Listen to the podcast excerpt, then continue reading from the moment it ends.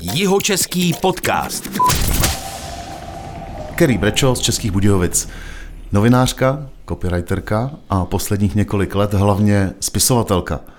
Na svém kontě spisovatelském má třeba knihy Losos v kaluži nebo Majonéza k snídani. Markéta Lukášková, ahoj. Ahoj, děkuji za pozvání. Posloucháte jeho český podcast, já jsem Petr Meškán a spolu s Honzou Šembauerem pro vás každý měsíc připravujeme zajímavé rozhovory s větším či menším přesahem k technologiím. A sluší se taky poděkovat našemu partnerovi společnosti Brillo Team, která staví velké e-commerce řešení a poskytuje také služby v oblasti online marketingu. A teď už k Markétě. Markéto, jak se stotožňuješ s tím, který Brečo? Já jsem se o tom bavil před chvilkou s tebou. Ty jsi říkal, že mi k tomu něco řekneš. No, jako mě vůbec přijde legrační taková ta klasická uh, česká snaha vždycky vymýšlet naší českou verzi, jo. že Jiří Krampol je český Belmondo jo, prostě jo, jo. a tak přijde mi to hrozně vtipný, mimochodem jsem o tom jednou napsal velký článek. Richard Krejčo, Brad Pitt. Ano, ano. a Miluška Bitnerová je česká Marilyn Monroe. Jo. A No takže tohle, tohle jako vlastně, to na někoho muselo padnout a samozřejmě na jednu stranu z toho mám radost, protože Kerry mám ráda, nebo sex ve s tím mám ráda, i když teda v posledních těch sériích se Kerry podle mě chovala jako, můžu říct kráva? Můžeš. Dobrý. Chovala se jako kráva. V těch ale, filmech taky hlavně. Tak těch, no, no, no, no, no, no, ale teda její šatník bych brala, její obuv bych brala, brala bych eh, její práci, kdy podle mě psala jeden článek týdně a mohla si za to dovolit to, co hmm. měla. Hmm. To Žít v New Yorku, chodit na večírky. A kupovat si boty za stovky dolarů. Ano. To je jako super. Takže, takže Od Manolo vlastně... Blahníka. tak, tak.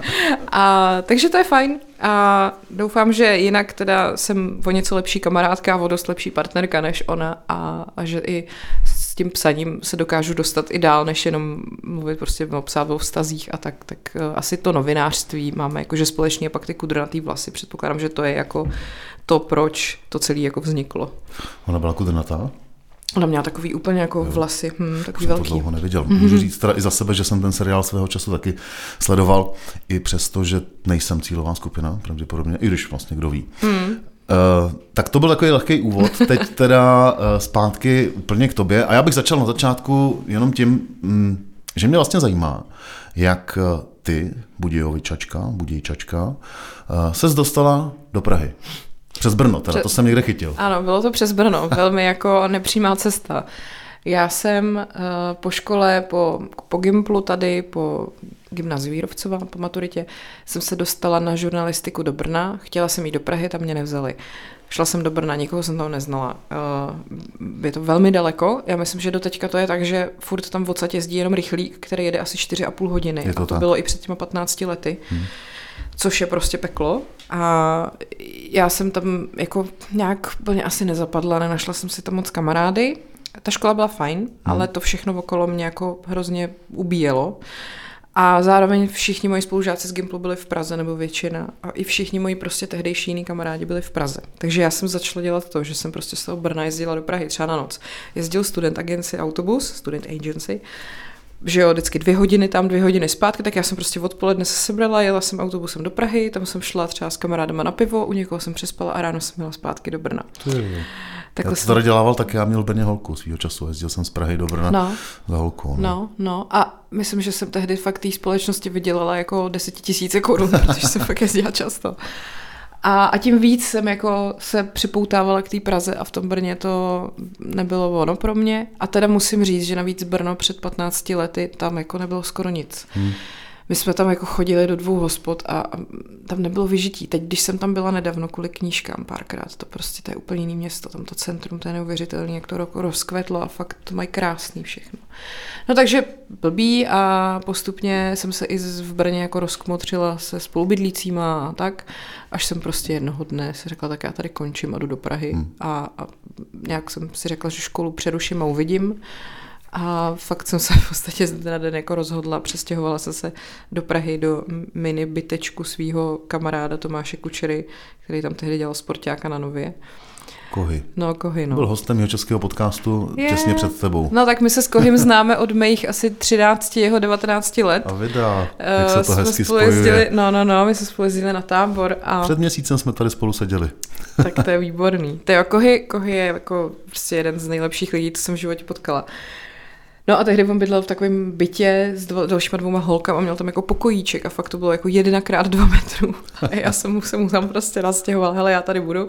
Tak tam měl takhle madraci na zemi a postel a nic jiného se tam nevešlo. A takhle jsme tam jako bivakovali nějaký asi tři měsíce, než jsem si teda našla nájem a mezi tím jsem se začala pracovat v televizi Z1, zpravodajské tehdejší, ještě když existovala. Dělala jsem redaktora domácího zpravodajství. No, tam pracovalo hromada lidí, hromada no, známých, no, s kterými no, jsem no, přišel no. do kontaktu. S chodou okolností tam pracoval i můj kolega v jeho českém podcastu Honza Schembauer. Aha. Ten dělal v ekonomické redakci. Aha, jo, tak to já jsem byla v té domácí, ve zpravodajství a ještě jak mi bylo nějakých 21, 20, tak jsem se bála se s kýmkoliv jako bavit, takže jsem si tam tak ty těch, já nevím, půl roku nebo jak dlouho jsem tam byla, uh, mě to bavilo v tom, že vždycky jsem měla týden služby 12 a týden volno, což v tom věku bylo skvělý, že mm. jsem byla nevím, týden v Praze, měla jsem volno a mohla jsem dělat věci.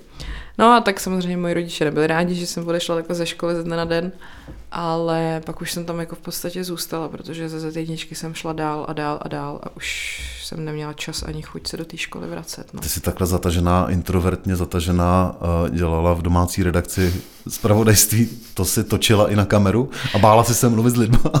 Naštěstí jsem na kameru netočila, já byla fakt takový ten člověk jako u stolu, že jsem stříhala ty příspěvky, namluvala nějaký voice over jenom a podobně. Ne, ne, to byla taková ne... pozice helfra, ne? Se tomu říkávalo v soukromých televizích svého času, nebo takový spravodajský nebo redakční jako helfer. Asi, hmm, asi. Hmm. Uh, prostě jsem nebyla Smělař. jako vyloženě jako reportér, že bych Jasně. chodila do terénu.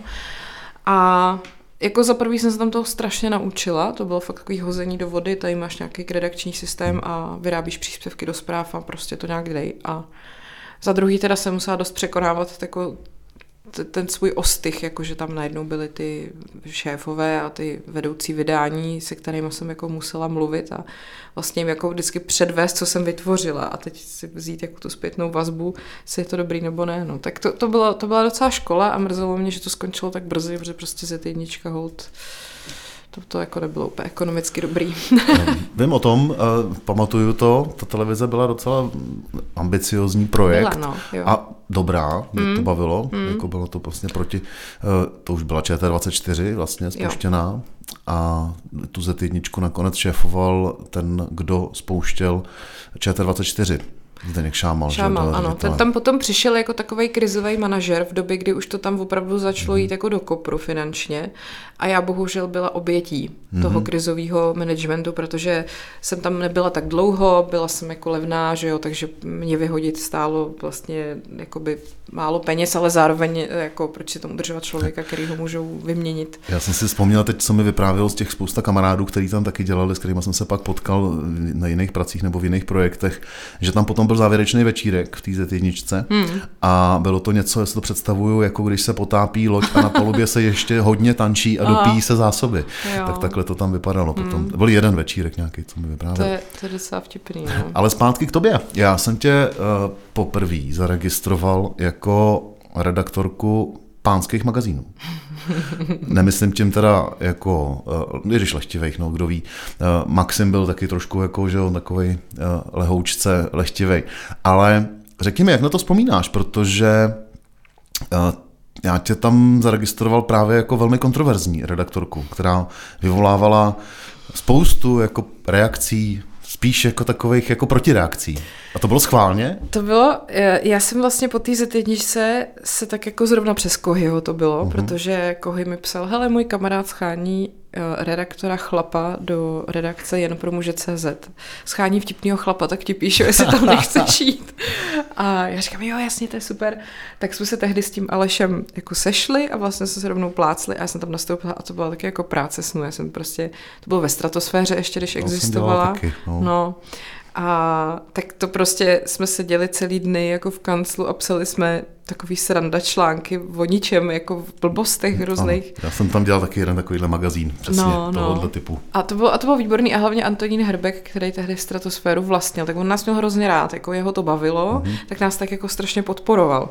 Takže když potom vždycky přišlo nějaký vyhazování a šetření, tak my jsme věděli, že jsme v klidu, protože nás má Antonín rád. Tak vždycky přijel tou zondou jo, před jo. to vydavatelství, žlutou, žlutou výraznou sportovním autem za několik eh, milionů švýcarského typu, myslím, že to byl švýcarský nějaký model Jo, jo, jo. strašně rychlého špičkového sportáku. Ano, ano. Drahýho. On je, on je velmi taky jako specifický člověk, vlastně hmm. úplně jako tak, to, ten jeho životní příběh je jako fascinující.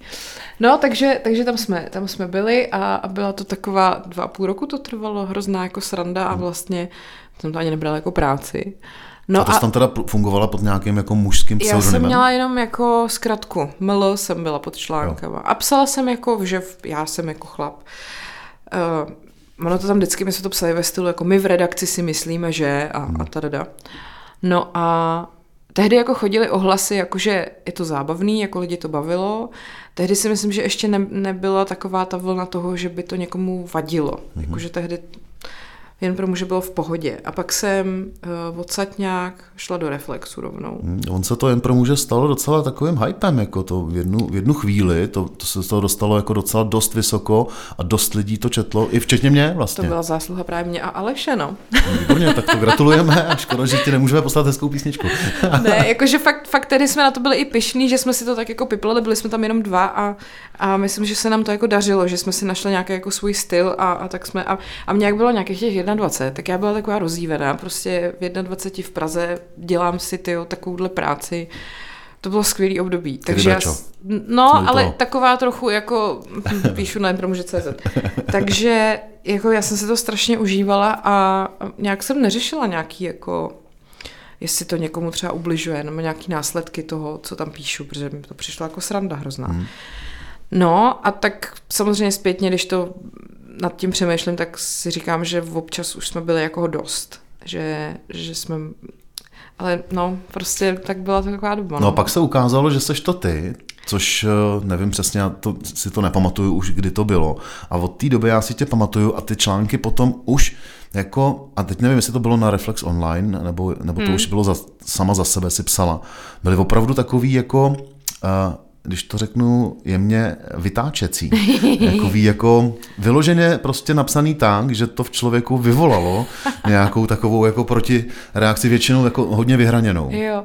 No já potom právě... co myslím? Asi jo, já jsem vlastně v tom jen pro muže, neměla jsem jako plán jít někam jinam, mě to tam bavilo. A pak mě oslovil Jarda Plesl, tehdy zástupce šéf redaktora Reflexu, hmm. který si myslel, že to na jen pro muže píše kluk a vlastně scháněl toho kluka, co to tam píše, že se mu to líbí. Aha. A dopátral se k tomu, že jsem to já, napsal mi a pozvali mě tehdy s Ivanem Hamšíkem, šéf-redaktorem, jakože pojďme si popovídat. Tak jsme si šli popovídat a oni mi teda řekli, ať nastoupím na Reflex Online jako šéf, redaktorka.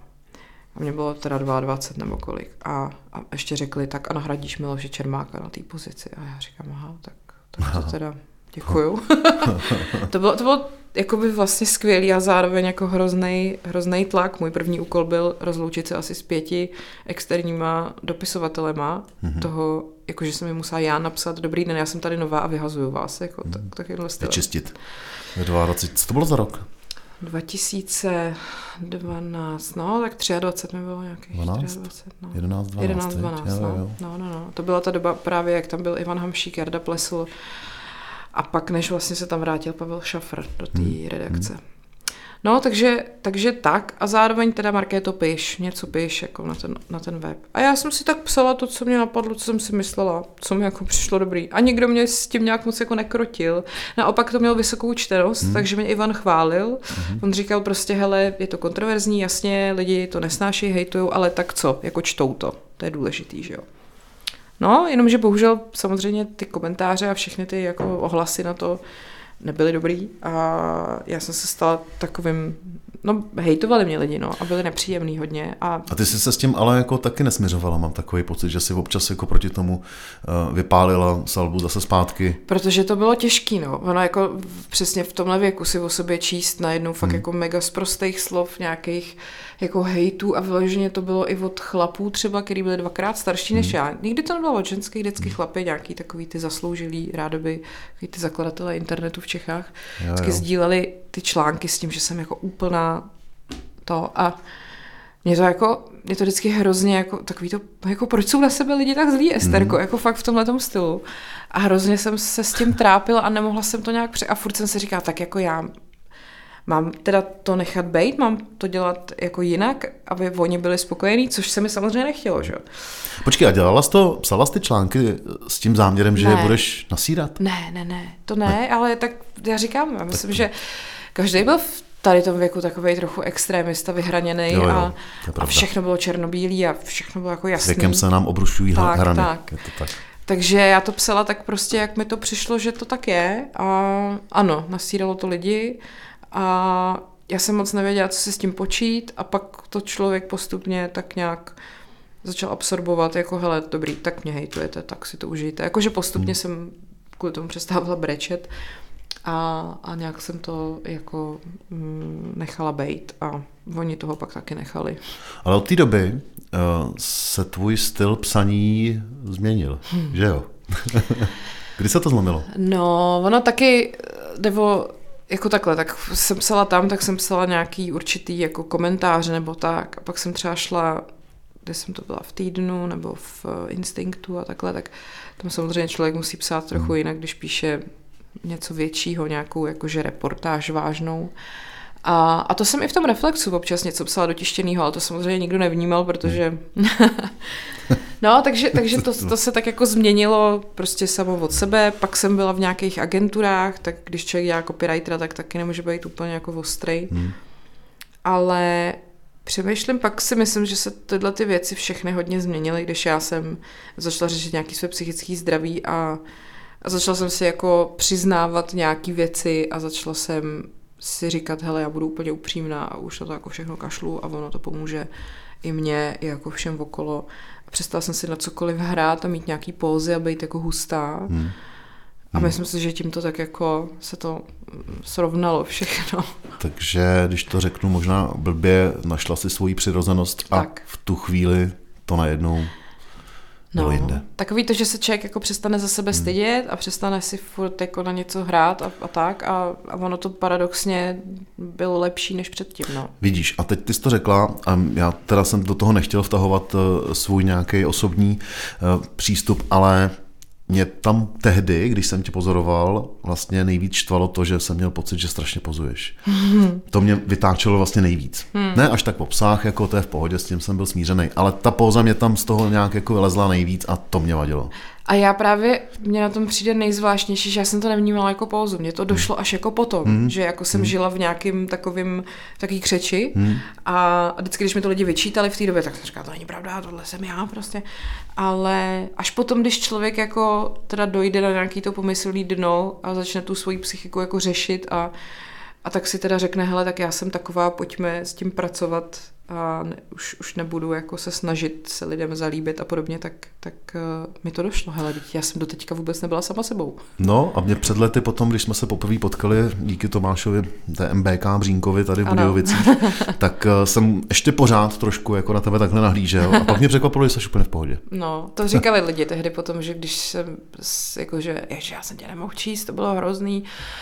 A pak, že mě vždycky potkali, a ty jsi vlastně docela fajn. No, no, tak to nás bylo víc. no. Posloucháte jeho český podcast s Markétou Lukáškovou. Jihočeský podcast. Eh, Protože jeho český podcast, Markéto, je částečně zaměřený na technologie. Hmm. A to tak jako různého charakteru.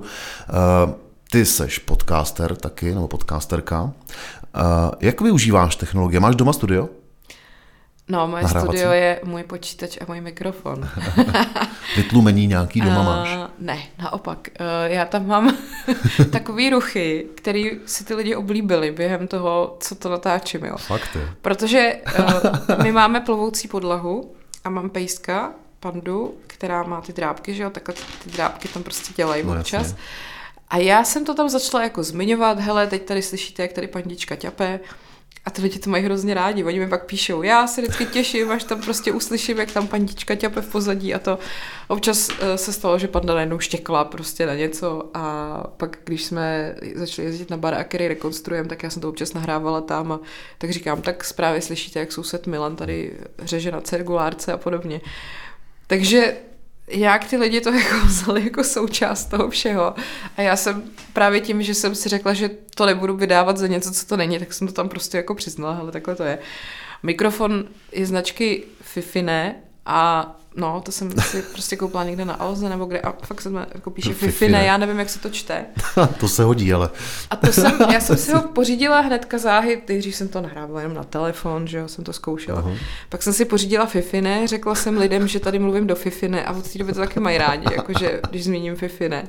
A No takže jsem si tady z těchto těch jako nedostatků vlastně udělala takový trademark. to je dobrý, to je A, vtipný. jo, a, a, ale zároveň si teda myslím, eh, že to zvukově není tak špatný. Ty jsi to poslouchal, tak Hmm, mi to můžeš, je to, že to jako... Je to docela v pohodě, ale já jsem uh, takový jako zvukový purista rozhlasový, takže uh, já bych tam našel Samozřejmě, ještě samozřejmě jasně, věci, které by se daly udělat jinak. No. Jasně. No, já třeba... Ale zároveň ty to, o, to, o tom to je vlastně, jo. Ta, hmm. jak říkáš, je to tvůj trademark, eh, takhle to má být a k tomu, jaká je forma, tomu se chci ještě dostat, jo, toho vyprávění, toho v, tě- v tom podcastu, protože to mě taky zaujalo a ty jsi mi to říkala, že to je částečně záměr. Ještě bych se trošku pozdržel u těch technologií, i co se týče tvý spisovatelský dráhy. Uh, na čem píšeš? Jak, jak, jako, jak píšeš? Používáš, jaký používáš komp? Na, na Macu mám uh, MacBook Air, vlastně už druhý. Tam ten, teda musím říct, to jsem byla úplně překvapená já se svým přístupem k tomu, jak se k těm, těm věcem chovám. Měla jsem ho tak od roku 2012 a vydržel mi až do Loňska. Hmm. A fakt vlastně potom jediný, proč skončil chudák, bylo, že to já nevím, jestli to vůbec můžu říct. Jen to řekni. Máme ubytou terasu, máme malinký byt a obrovskou terasu a já jsem si ten MacBook vzala ven a myslím, že to bylo nějak, že jsem si tam něco cvičila na té terase podle nějakého videa. A pak jsem ho tam nechala a ono začalo pršet. Nicméně teda ještě vydržel, akorát mu už nefungovala baterka, no a pak už to prostě šlo do kopru, tak, tak jsem si jako pořídila teda konečně nový, jsem si říkala, tak si to zasloužím, paní spisovatelka by měla mít jako funkční nástroj. My si tady můžeme dovolit eh, mluvit i o značkách pozitivně, protože jsme nezávislý podcast. A. Měl jsem tady Michala Vítovce, Baliho, fotografa, který fotí Dakar Mhm. a bavili jsme se taky o technologiích a o tom, jaký používá počítač a jaký používá počítače, protože fotí v poušti. Hmm.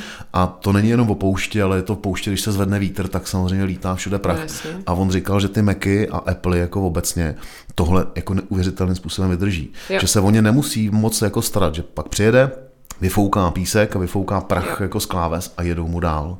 No jasně, já, já právě vlastně jsem fakt byla fascinovaná, že mi do toho opravdu jako napršelo. Já jsem z toho tu vodu vyklepala a on pak prostě jel dál, akorát Hmm. ta baterka teda, takže musel být v napájení, ale jinak a to už byl, to už byl devět let jako No. v používání.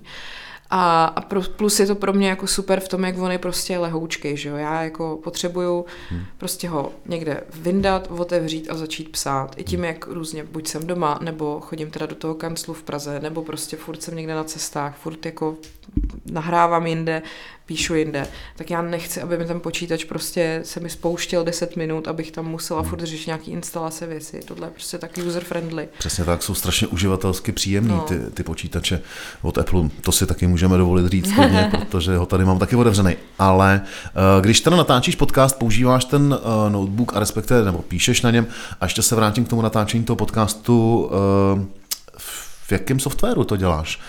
Audacity. Audacity. No. A z, naučila jsem se... freeware, je Eh, volně přístupný, nebo máš nějakou placenou verzi? Já mám pocit, že mám nějakou už i placenou snad. Hmm. Ale hlavně původně jsem to dělala nějak jinak, už ani nevím, v čem jsem to nahrávala původně. Každopádně u tohohle jsem zůstala a vlastně jsem se v posledních měsících naučila si to jako stříhat rovnou, že já točím, něco zblbnu, tak ustříhnu poslední kus a navážu a vlastně... Stopneš se Tak. a dotočíš si to. Tak, Aha. že vlastně mi to pak šetří hrozně času uh, potom, že už nemusím si to celý jako procházet a vystříhávat nějaký věci, které jsou špatně. Hm, to je dobrý tip pro podcastery. Je to, je to hrozně, to ušetří čas, jako vlastně strašně jednoduchý, že jo, tam to Audacity je takový, takže tam jenom křivku prostě odkliknu, co se mi nelíbí a, a pokračuju, no, takže to, to mi jako ušetřilo vel, velmi mnoho času. Jde to hodně nahoru, eh, vůbec s- to zlepšování technologií, co se týče nahrávání podcastů, eh, je spousta typů a nových platform, anebo refreshlých platform, který nabízí spoustu teď věcí. I já na to koukám teď, eh, co novýho přináší třeba Anchor FM, eh, do kterého stou- vstoupil Spotify, hmm. přes kterými distribuujeme různě podcasty. To nabízí i to, že tam můžeš vkládat písničky v tuhle chvíli. To nemám ještě vyzkoušen, teď jsem Aha. na to koukal minulý týden. Je to hrozně zajímavý, hmm. jako kam se to posouvá, kam se to dostává. Tak To bych teda uzavřel technologické okénko s Markétou Lukáškovou. Tak já úplně jako nejsem vzor v tom, jak k těm technologiím jako přistupovat. To je pravda, počkej, chovat. a ještě se u toho zastavím, ty jsi říkala, že jsi zadržela motor u auta. Jsi tam nenalila volej, viď? Byl tam právě, to je na tom nejsmutnější, že já jsem, eh, protože teď budu vydávat, nebo v září vyjde knížka, do které já jsem nabírala rozhovory s pamětníkama a právě jsem byla loni tady, loni, minulý týden tady v Budějcích a udělala jsem si výlet, že jdu do Vimperka a do Písku za pamětníky nahrát ty mhm. rozhovory. Vracela jsem se z Písku a jela jsem prostě tou klasickou hlavní, že jo, a teď najednou vidím odbočku na Břehov a říkám si, je, Břehov, tam prostě bydlel můj první kluk. A tam byly diskotéky. Tam byly diskotéky, tam jsme chodili na letní parket ano. před prostě milionem let. A říkám si, je, tak já pojedu přes Břehov a tam takhle přes Kvítkovice, tam zase bydlí kamarádka, tak se tak jako zavzpomínám, pojedu tam. Tak jsem jela. No a jela jsem přes Černý dub mm-hmm. a tam je takový železniční přejezd, a který je jako hodně jako nahoru a hned dolů což jsem si nějak neuvědomila. A jela jsem tam třeba třicítkou, což jakoby je ta rychlost, co asi má být, ale tam na to to je moc rychlý. Takže já jela. Auto takhle jako vyskočilo a pak hrozně jako drnclo zpátky. Jako fakt hodně. Jsem si říkala, ty bláho, no tak to byl hůb jak svině. A, a najednou mi začala blikat kontrolka. Se to razila vanu. Jo. Hmm. A než jsem jako, protože tam vlastně nebylo kde jako zastavit, než jsem jako zastavila někde na, na straně bezpečně, tak no, jako nevěděla jsem, že to hmm. auto už je jako v hajzlu, ale pak jsme teda zavolali od tak tohleto a, a že to bylo jako proražený takovým stylem, že to jako všechno vyteklo hned, hned. ten olej. Že právě tam, no, to byla hmm. prostě strašná pecka, takže tam nebyla ani šance, že by to třeba pomalu vyteklo, nějak by ten motor hmm. ještě takže se to prostě prorvalo, vyteklo, motor se zadřel v podstatě okamžitě a, a naštěstí teda auto jako bylo 20 let starý, já ho měla na takový to vození psa a jako, že to není taková tragédie, ale... Nevytváříš si citový vztah k, k autu? Já jsem, Nemá, no, nemělo jméno. To je, právě, to je právě ono, já tyhle ty věci nějak moc jako neprožívám, no, takže hmm. jako když prostě se rozbije, tak si koupím nový, když se rozbije mobil, tak si koupím nový, nějak to jako ne, ne, nemám to takhle úplně. Mně se to s tou proraženou vanou stalo v Praze, když hmm. jsem měl z, Bře, z Břevnova dolů takovýma těma zatáčkama, no. tam jsou takový jako dlažba je tam stará, tak se tam jenom štrejchnul no. lehoučce, dojel jsem pak do Podolí, kde jsem bydlel, tam jsem to zaparkoval a že pojedu do Jižních Čech na víkend Aha. a než jsem došel domů si pro tašku a vrátil jsem se tak mi to vyteklo jo. do ulice. No. Byla tam teda prasklina, takže tím jsem skončil taky. No. No. Pak jsem naštěstí to auto jenom spustil z kopce, tam byl autoservis a tam mi vanu vyměnili. No. To je příběh o prasklé vaně. Ano. Jihočeský podcast. V Jihočeském podcastu se bavíme s Markétou Lukáškovou a teď k příběhům, když jsme u toho. Uh, a já možná začnu takhle jako obšírně. Kdy jsi uvědomila, že umíš vyprávět příběhy?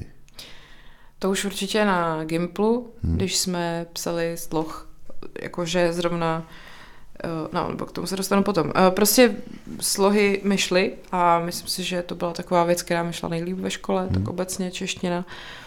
Takže jsem si říkala, aha, a navíc mě to jako bavilo. Prostě, když se měl psát sloh, já se na to těšila. Všichni z toho byli zoufalí, že jo. A, tak to jsem měl taky. No, no, no, tak jako to je normální, prostě lidi, kteří to psaní nemají, není jim to blízký, tak, tak prostě tohle je pro ně fakt jako očistec a pro mě to byla vlastně hmm. takový relax. Spíš. Já to měl taky tak, že mě češtinářka měla ráda, no, moje slohy. No, no. A jo, a přesně, přesně vždycky to bylo tak, že jsem jako, jo, Markéta prostě zase nejlepší sloh ze třídy a to, tak jsem si říkala, hele, tak to psaní mi jde, tak, tak u toho zůstanu a mm, nějakým způsobem potom z toho vy, jako se vy, vyvinulo, že teda půjdu na tu žurnalistiku, protože to mi přišlo, že je tomu jako nejblíž. Mm-hmm.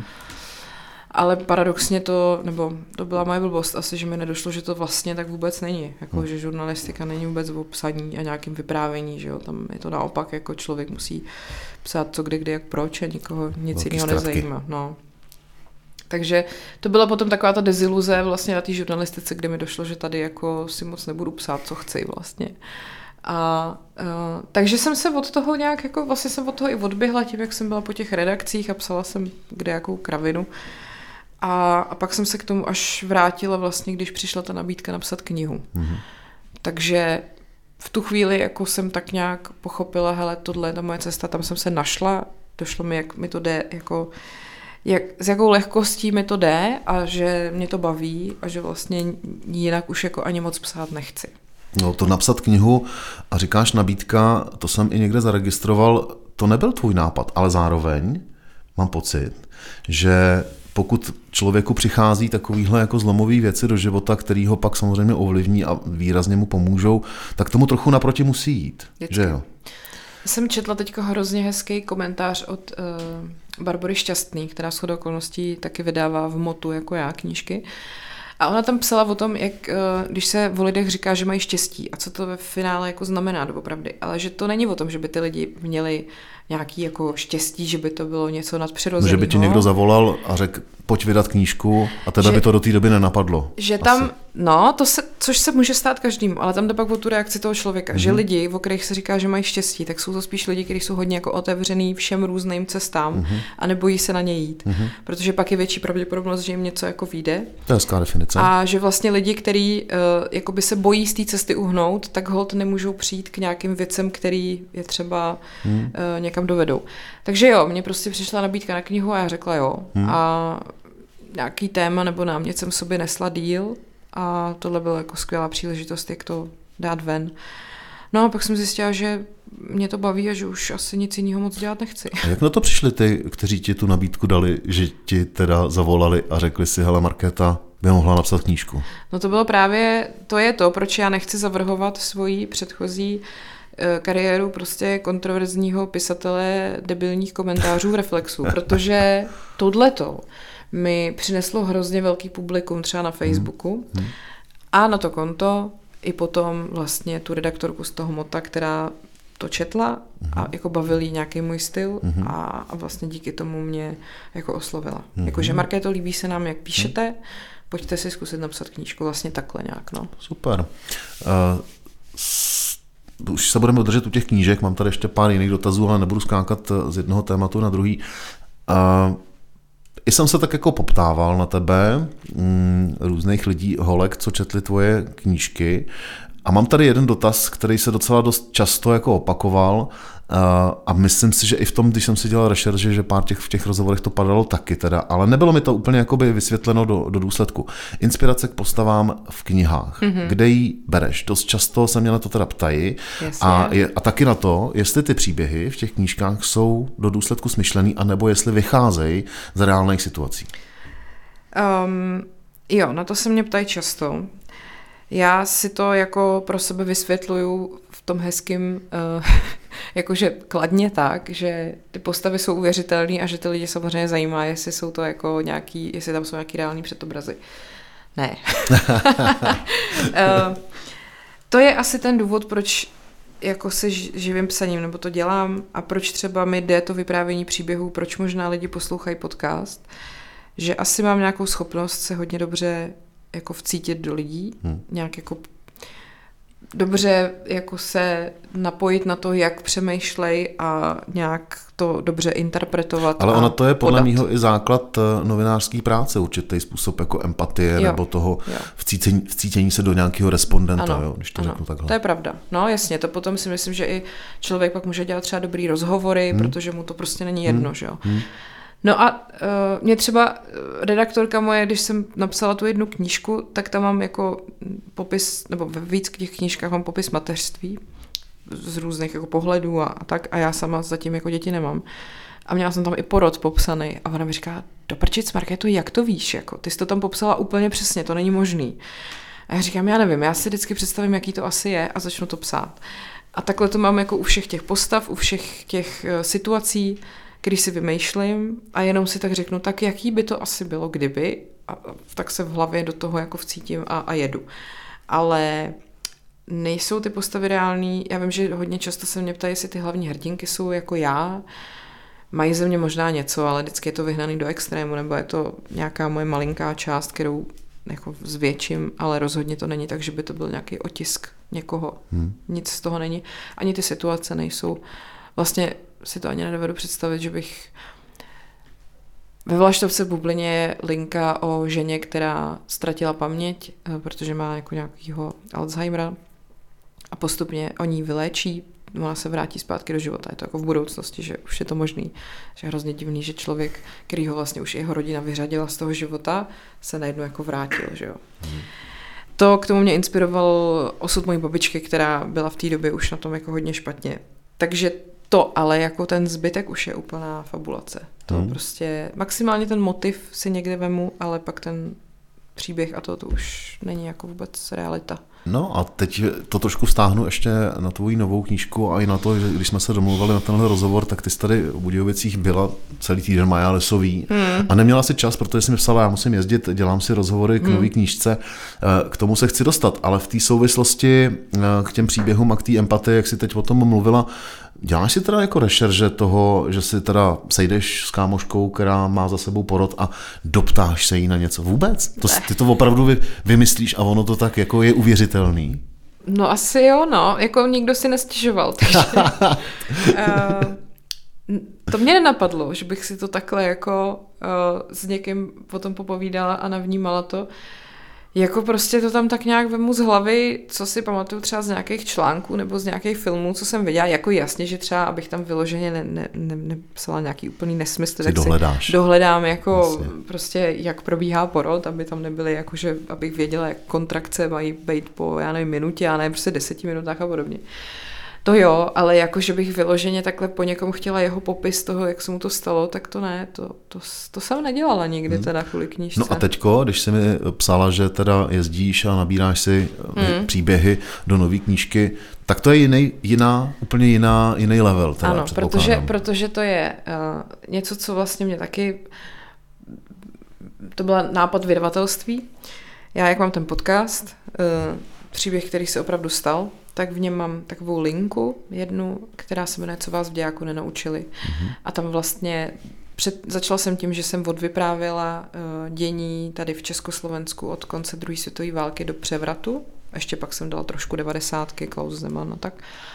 A, a nečekala jsem to a mělo to jako úspěch. Lidi mi právě psali hodně, že jak mám ten projev, řekněme, velmi civilní. K tomu se chci taky dostat. Tak, eh, tak, jim to, tak je to baví mm. a, a je to něco, co za prvý v dějáku se neprobírá už, mm. že jo, protože na to nikdy není čas, mm.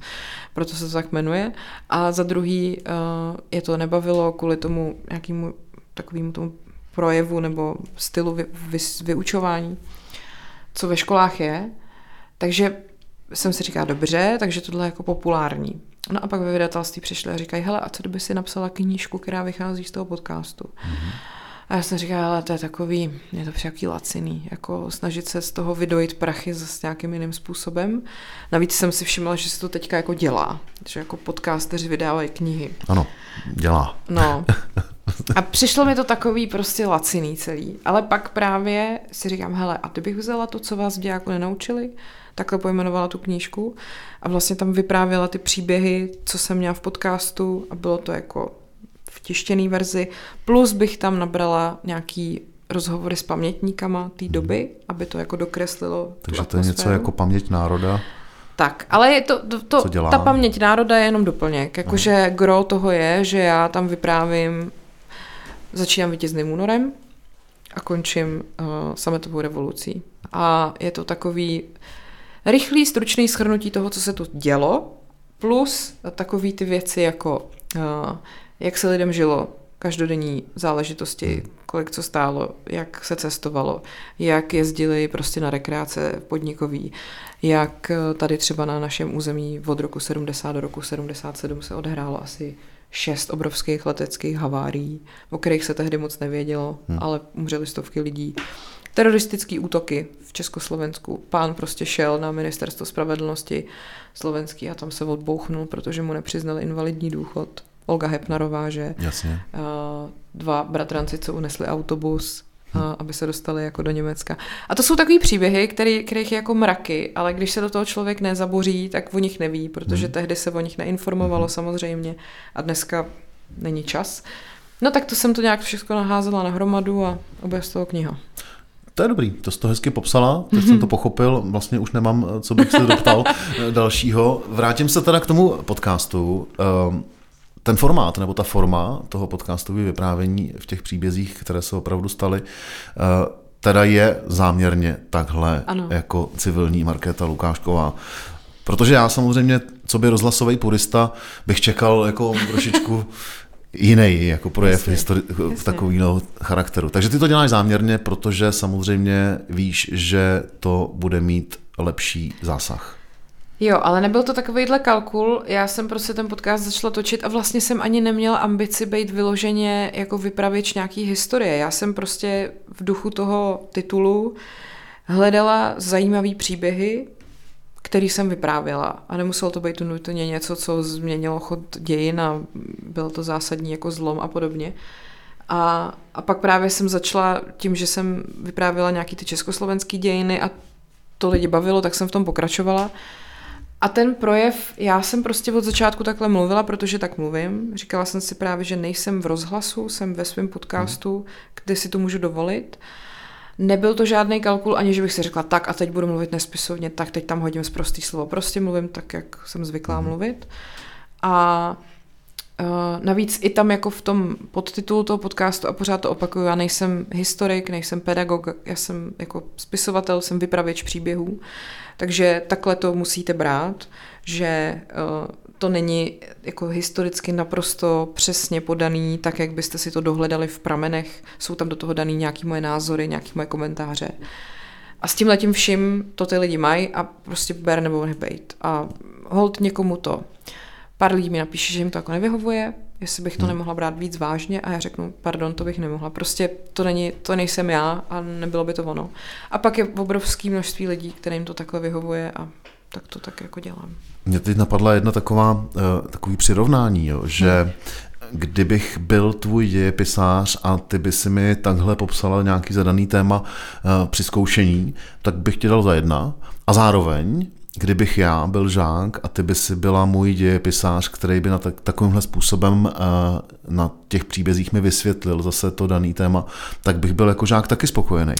A to je právě, to byla moje premisa úplně od začátku, uh, kdy já sama jsem na streamu kdysi sledovala pořad Slavné dny. Dělal to Pavel Zuna. Uh-huh. A to byly takový třeba 6-7 minutový videa, kde byly nějaký sestřihy, záběry a jeho voice-over, kde on vyprávěl vždycky nějakou historickou událost v takhle krátkém mm-hmm. tom. Naprosto srozumitelně, stručně, člověk okamžitě věděl, co se tam stalo, proč a jak. A přišlo mi to skvělý a říkala jsem si, doprčit, proč my jsme něco takového neměli, když jsme byli na Gimplu, měli jsme děják, člověk by se toho naučil mnohem víc, než tím výkladem klasickým a tak. A to bylo něco, co mě trošku inspirovalo potom, když jsem ten podcast zašla dělat. No a shodou okolností včera jsem tady v Budějcích křtila uh, kamarádovi knížku, Lukáš Boček se jmenuje a napsal skvělou knihu Zahrada mrtvých duší. Tak tam byla uh, část našeho profesorského sboru z Gimplu a byl tam i náš dějepisář, mm. Kamil Dřevikovský. Mm. A my jsme si spolu sedli asi po těch, já nevím, 15 letech od maturity a na mé dvě hodiny jsme si tam povídali, jakože fakt intenzivně. A on, já o tobě vím, Markéto, že ty točíš ten podcast a u nás ve škole na nástěnce seš někde jakože naši slavní prostě absolventi.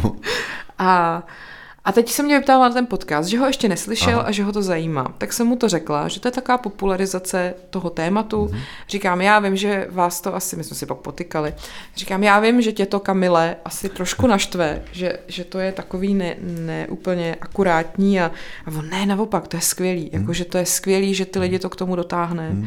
a že tomu je, to, to je styl, kterýmu já se nikdy nemůžu dostat, protože to dělá v té škole, že jo. Jasně. A a naopak jako mi to hrozně vychválil. A já jsem z toho měla hrozně dobrý pocit, protože jsem celou dobu měla v hlavě takový to, co by na to asi řekl pan profesor dějepisu. A, a on byl hrozně rád a říkal, jak se těší, že si to poslechne. Když jsem popisovala, co dělám teď do té knížky, tak se mu to taky hrozně líbilo. Takže mi to tak jako posvětil a zároveň říkal, že to je skvělý, že prostě i on se snaží takovýmhle způsobem to těm lidem předávat a já jsem mu říkala, vy taky na Gimplu jste byl ten, který mě k tomuhle tématu jako doved, protože vy jste to uměl podat zajímavě, že nás to jako bavilo, Super. ten děják. No, tak se tak Já jsem se tě chtěl zeptat, jaká jsi byla studentka dějepisu na Gimplu teda. Mě to, mě to moc bavilo, samozřejmě nebyla jsem úplně dobrá na to, abych si zapamatovala všechny data a hmm. takové ty věci, ale právě ten styl, kterým on to na nás jako do nás valil, on byl mladý tehdy, je mu je dneska necelých 50, před 15 lety mu bylo prostě to 30, 35 a byl takovej nadšený a furt je a to je na něm skvělý, on je na něm vidět, že on tím žije a hmm. prostě není to pro něj nějaká jako jdu si to odříkat a jdu domů. A tímhle on natchnul i nás, takže, takže to bylo jako skvělý. No. To je hezký, já mám jeden příběh, ten ti řeknu jinde, ten, nebo, uh, mimo mikrofon, ten se sem tolik nehodí, mám dvě srovnání. Já jsem uh, vystudoval, respektive na základku jsem chodil ještě za komunismu mm. a 89. jsem nastupoval na Gimple. A tak já to řeknu. Měli jsme dějepisáře na základce, který byl vlastně hrozně populární mezi náma dětma. I ten děják jsme měli hrozně rádi, protože mm. on byl atraktivní, vyprávěl tam mm. uh, super příběhy v tom. Mm. A byl, ale byl to ředitel školy. Mm-hmm. A byl to komunista. Mm-hmm.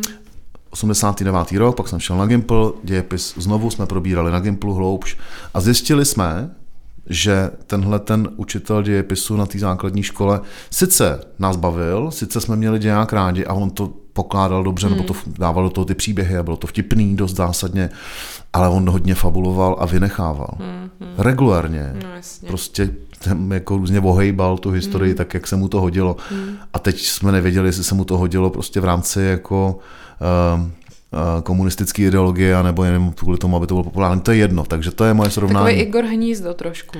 Jo, jo, jo. Akorát, že Igor Hnízdo nebyl komunista. No, teda. Jasně. Tak eh, to byl jenom takový můj tady mm, krátký, mm. No, uh, to jako s těma příběhama totiž to pak mě to tak jako vykrystalizovalo a uvědomila jsem si to.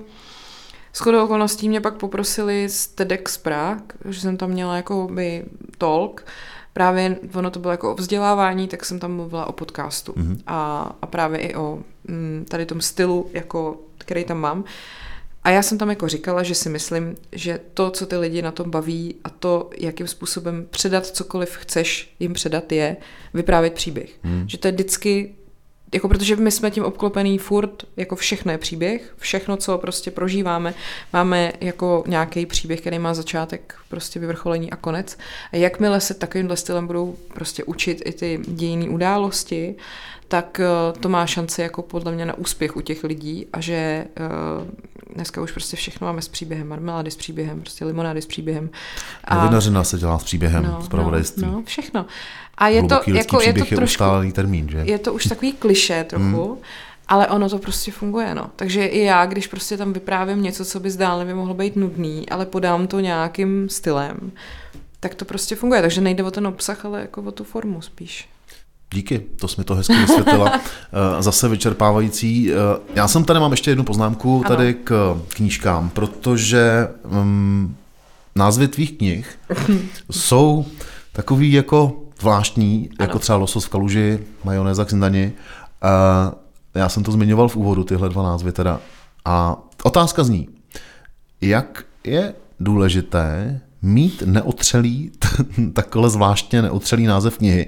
A je to, jak, jaký je ten proces? Teda, ty píšeš knížku a pak předpokládám, uh, hledáš, je to něco jako u muzikantů. Skládají desku a pak se teda vymýšlí, jak se ta deska jako by mohla jmenovat. Teď už to teda tak tolik není, že ty desky nejsou tak podstatný, ale u těch knížek to vnímám podobně. Je to tak, anebo jak ty to máš vlastně? Jak teda vznikají takovýhle uh, zvláštní názvy jako Losos v kaluži? Já jsem teda čet, jak vzniknul Losos v kaluži, někde si na to odpovídala už. Mm. Tam to nebylo úplně až po, po tom, co jsem to napsala, že bych se nad tím zam... to, to bylo vyloženě náhlej jako nápad, někdo, nebo já jsem řekla tu frázi a přišlo mi to jako zajímavě znějící hmm. spojení. Hmm. A, a pak vlastně se mi to i hodilo v té knižce, to tak jako, že to tak jako doplnilo to, co se tam děje a dávalo hmm. mi to smysl dohromady. Uh, je to vlastně potom už jsem, protože jsem pak psala ty další, které jsou s tím lososem lehce jako příběhově i propojený, tak jsem si říkala, že bych měla držet jako uh, linku, takže je to nějaký zvíře někde. A u té druhé vlastně mi to taky jako hnedka napadlo, prostě panda v nesnázích dávalo mi to smysl, zapadalo to. A, a vždycky to nějak jako šlo vymyslet, aby to fungovalo. Hmm. A když potom měla vzniknout majonéza k snídani, tak já jsem poslala rukopis a můj uh, pracovní název toho byl úplně jiný. Myslím, že já jsem nad tím třeba přemýšlela, ono to zní hrozně debilně, ale já nad tím přemýšlela třeba čtyři dny v kuse, jak se to bude jmenovat. A jaký byl ten původní? No a teď já si zkusím vzpomenout. Uh, je to úplně jako uh, zaměnitelný totálně, ale hmm. stejně to bylo hrozně těžké pro mě vymyslet. Ježíš něco je, jinak to nebude, něco tak, nějak mm-hmm. takhle, teď mm-hmm. si nejsem úplně jistá. A poslala jsem to a měla jsem z toho jako hrozně dobrý pocit, že ten název jako přišel a že to jako tam dává smysl a uh, nebo jinak to nejde, tak, jinak mm-hmm. to mhm. nejde. A, a prostě mi to úplně k tomu sedělo a to, jenomže můj Uh, jo, a jsem řekla, že tohle byl pracovní název. Ne, tak tohle byl název, který jsem chtěla, aby ta knížka měla. Mm-hmm. Pracovní název toho textového souboru byl majonéza k snídaní. Aha. Jenom proto, že jsem si vzpomněla, že to prostě kdysi kamarád řekl nějak při snídani, mm-hmm. když jsme se o něčem bavili. Já, a pak on řekl majonéza k snídaní a pak mi říkal ze strany, takhle by se mohla jmenovat tvoje kniha, že jo? Aha. A já jsem si to tehdy někam poznamenala. A teď, jak jsem tohle začala psát, tak jsem si to pojmenovala majonéza k snídaní. Pak jsem to dopsala říkám, bude se to jmenovat, jinak to nejde. Mm-hmm.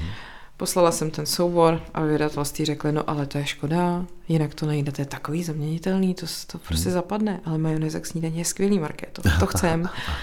A já říkám, no tak asi už mi to nikdo neodpáře, ty názvy, no, takže prostě... On ten název té knížky, já jsem, když jsem si to, když jsem nad tím přemýšlel, když jsem se chystal na ten rozhovor s tebou, tak to, mám to srovnání ještě právě s tou stratosférou, když jsme tam dělali, jsme dělali časopis já už nevím, jak se jmenoval, ale řešila se titulka vždycky, hmm. že jo, samozřejmě, jak bude vypadat a jaká holka tam bude, hmm. s jakým autem, že jo, protože to byly pánský časopisy, jak titulky, Jasně. že jo, to bude nabustovaný, občas se přifukovalo něco, tak eh, mi to přišlo vlastně jako paralelní s tím, jak se vymýšlí název té knížky. Trochu mi to tak přijde pořád, že to je zásadní, že to vydavatelství hmm. chce samozřejmě, aby to bylo výrazný, že jo. A samozřejmě vždycky jako poslední slovo má ten autor, takže já kdybych řekla, že to nechci, tak hmm. oni to budou akceptovat, ačkoliv nebudou rádi, ale já jsem si nakonec řekla, hele, tak prostě to ke mně nějak patří, tak s tím nemám problém a je to fakt, že prostě dneska, když těch knížek vychází, já nevím, 200 tisíc ročně, jaký strašný číslo, hmm. jako, hmm. tak je hrozně zásadní toho člověka zaujmout v tom knihkupectví. I takovýmhle hmm. způsobem, že je barevná, nebo zvláštně barevná obálka, zajímavý název, zapamatovatelný jako i tohle to je nějaký marketing, no, prostě, i když samozřejmě takový ty literáti by to neradi slyšeli, protože to prostě trošku odbíhá od toho smyslu té literatury, ale hold to, hold to tak je a... A vždycky to má ten název eh, za tebe alespoň nějaký souvis má, s tím, má, má. co se tam odehrává. jo, jo, jo, fakt jo, a vždycky to tam je řečený a nějak to tam jako eh, do toho bych řekla sedí. A je to zase dobrý, že prostě lidi uh, si to pamatujou. Hmm. No. Teď tady mám jednu takovou uh, naprosto mimo otázku. Hmm. Uh, když jsem se chystal zase na ten, ten rozhovor, tak na mě jeden čas jako vysku, nebo v jednom období na mě vyskakovalo, uh, že se stáváš fitness trenérkou. Hmm. Stalo se to? Stalo. To bylo právě v době, kdy já jsem začala řešit hodně ty, ty svoje jako psychické trable a zjistila jsem, že součást toho je, že já prostě jsem uh, pracuji v kanceláři a nedělá mi to dobře. Hmm. Jo? Že nejsem ten typ člověka, co takovejhle styl práce může dělat, což samozřejmě spousta lidí je a, a to je dobrý pro ně, ale bylo jako těžký, že člověk jako vyrůstá nebo prostě je ve světě, kde je tohle normální a vlastně když řekneš, že to nechceš takhle dělat, tak máš pocit, že neexistuje jiná možnost. Jako, že, že ti řeknou, tak jsi zhejčkaný, rozmazlený, no tak se zapři a prostě chodí do kanclu. Že jo. Je divný říct, že to takhle nechceš dělat a je jako trošku náročný si to jako nějakým způsobem obhájit. Mně teda po letech došlo, že to, že já jsem velmi jako nespolehlivý špatný zaměstnanec, není tak moc jako, nebo jasně, že to je moje chyba, ale je to zejména proto, že mě ten styl práce strašně nevyhovuje. Já jsem nikdy nebyla jako dobrý, dobrý zaměstnanec. Já jsem chodila pozdě furt a odcházela brzo a neodevzdávala věci včas a a prostě furt jsem si říkala, co je na mě jako doprčit jako blbě, až jsem došla k tomu, že možná bych měla pracovat úplně jinak. Hmm. No a pak eh, v souvislosti s tím já jsem zrovna v té době nastoupila do železní koule, do gymu, kde jsem cvičila takový tříměsíční hustý program Amazing 12, takový transformační, jakože tři měsíce člověk každý den cvičí, posiluje, eh, jí správně všechno. A i to mi jako hodně s tou psychikou pohnulo v dobrém slova smyslu a dost jsem se v tom jako našla. Mm-hmm. A říkám si, hele, tak co kdybych to jako zkusila dělat, protože mi tam je fakt dobře a co kdybych teda zkusila jako dopoledne si trénovat lidi a odpoledne si sednou budu psát. No, tak jsem to udělala. Hm? no, jako ta otázka je na místě i z toho důvodu, že jako novinářka a spisovatelka v eh, principu toho, eh, jak to říct, zaměstnání nebo toho, toho, co děláš. Hodně nasedíš. Eh, toho za prvý hodně nasedíš, ale zároveň, jako když to vezmeš, a takže považuji trošku za bohéma taky, já sebe taky, tak jako nemám já třeba úplně blízko jako k posilovnám. Hmm. Teda.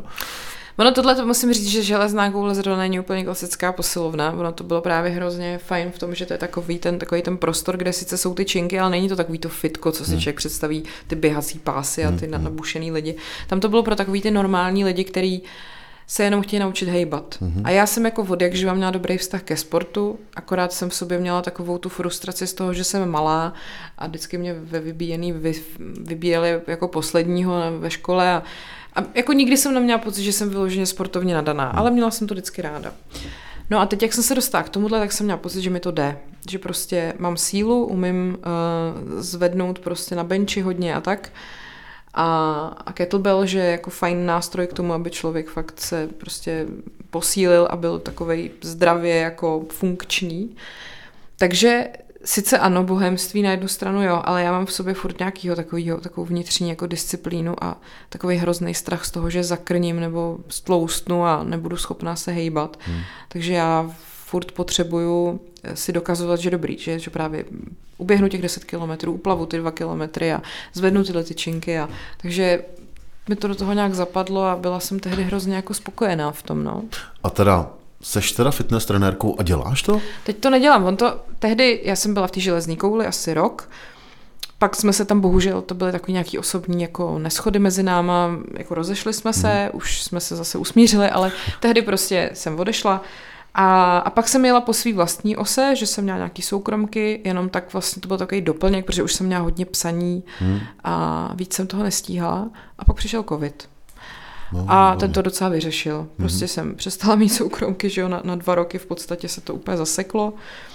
Ještě jsem si těsně před covidem stihla udělat maserský kurz, mám mm-hmm. papíry a, a i nějakou dobu jsem to tak jako dělala, taky jako jenom tak občas. A... To jako kdybys věděla, že přijde něco jako covid, co nás může trošičku jako svičnout eh, úplně k něčemu jinému, než jsme do té doby dělali. To je dobrý. Jo, no a měla jsem i za sebou nějaký další jako nástavbový kurzy a fakt mě to v tu chvíli bavilo hrozně, nebo furt mě to baví, ale tím, jak to teď se to přestřihlo na ty dva roky, tak jsem se k tomu ještě zatím mm. nevrátila. A říkám si, až se přestěhujeme na vesnici a, a nebudu mít třeba tolik psaní, nebo tak, tak si tam někde otevřu nějakou malou místnostku a budou tam chodit lidi a je budu jako... Protože já jsem vždycky měla jako blízko k takovým těm věcem ohledně jako zdraví a, a nějakého jako fyzického rozvoje a a vždycky jsem se o to hrozně zajímala, protože jsem byla hrozný hypochondra, takže jsem taková chodící uh, jako mudr Wikipedie a, a hrozně mě to jako baví se tím zabývat, takže uh, nějak to je furt i moje součást. No. Dřív bývaly takový ty knížky Domácí lékař. Vždycky nástovalo jasně. Je to no, tam. no, no, tak to bohužel, to bohužel jsem, jsme měli, když jsem byla malá.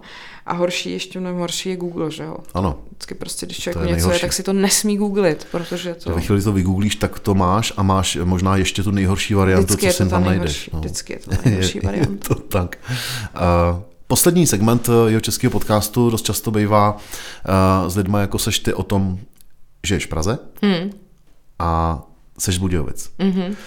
My jeho Češi mm-hmm. obecně v té Praze, a i mi to říkali, kamarádi v Praze, když jsem tam žil dlouho, že jsme takový specifický v tom, že eh, se nikdy jako úplně nepopraštíme, že jsme vždycky takový jako jeho český uh, patrioti mm. s tím, že uh, se nestáváme úplně do důsledku často Pražáky a dost často se vracíme. K tomu mm. se chci dostat. Mm. Uh, vidíš svoji budoucnost třeba, uh, nebo takhle ještě začnu jinak.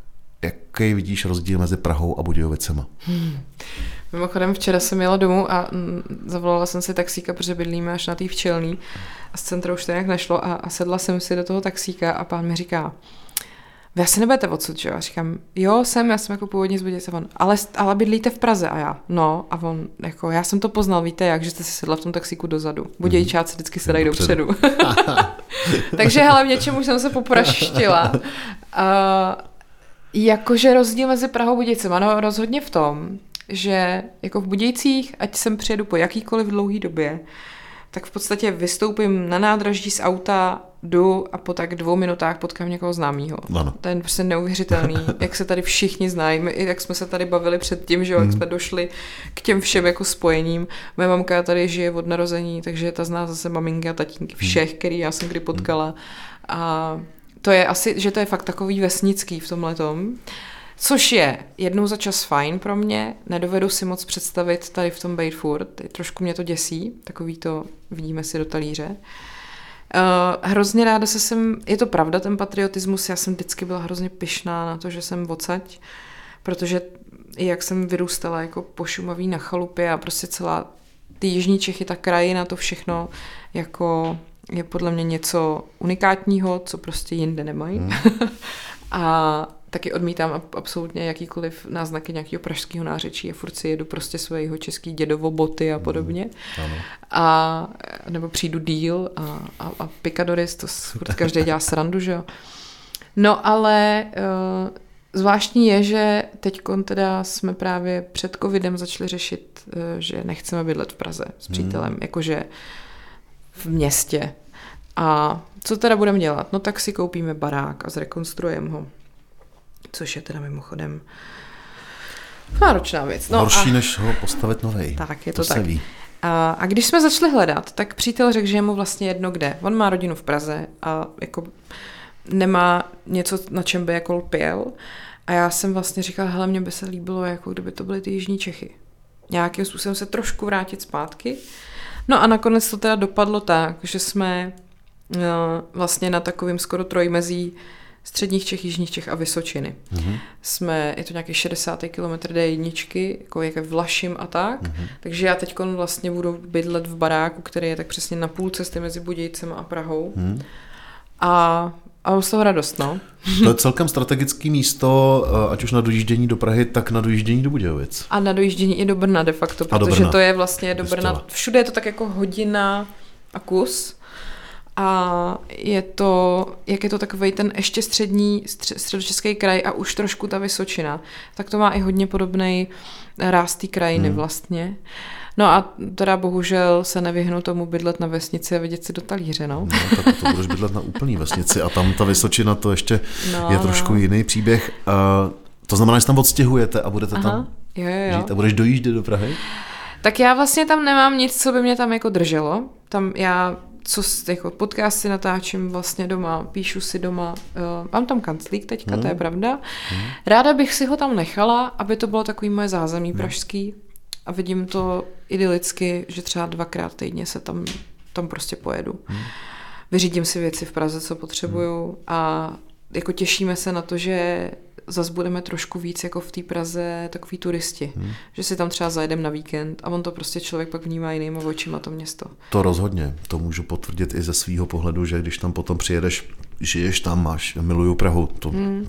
netvrdím, že ne, ale když tam potom přijedeš takhle jakoby odinut, tak si užíváš mnohem no. víc a ještě no. si procházím se tam no. a nejezdím no. tramvají a chodím pěšky a to se prostě děje. No. Je, to, je to tak a hlavně eh, tam samozřejmě máme strašně jako kamarádu zázemí, no. právě tu přítelovou rodinu, takže vždycky tu Prahu budeme mít jako nějak na dosah a budeme s ní jako spojený. Rozhodně si ji jako nechci vzdávat. Ale prostě mám pocit, že tak nějak čas se posunout po těch asi 12 letech zase dál a i mýmu psovi to udělá dobře, že bude mít zahradu pořádnou a že jakoby se mi líbí změnit ten poměr, že víc času budu někde na vesnici a méně času ve městě, než teď to mám vlastně naopak.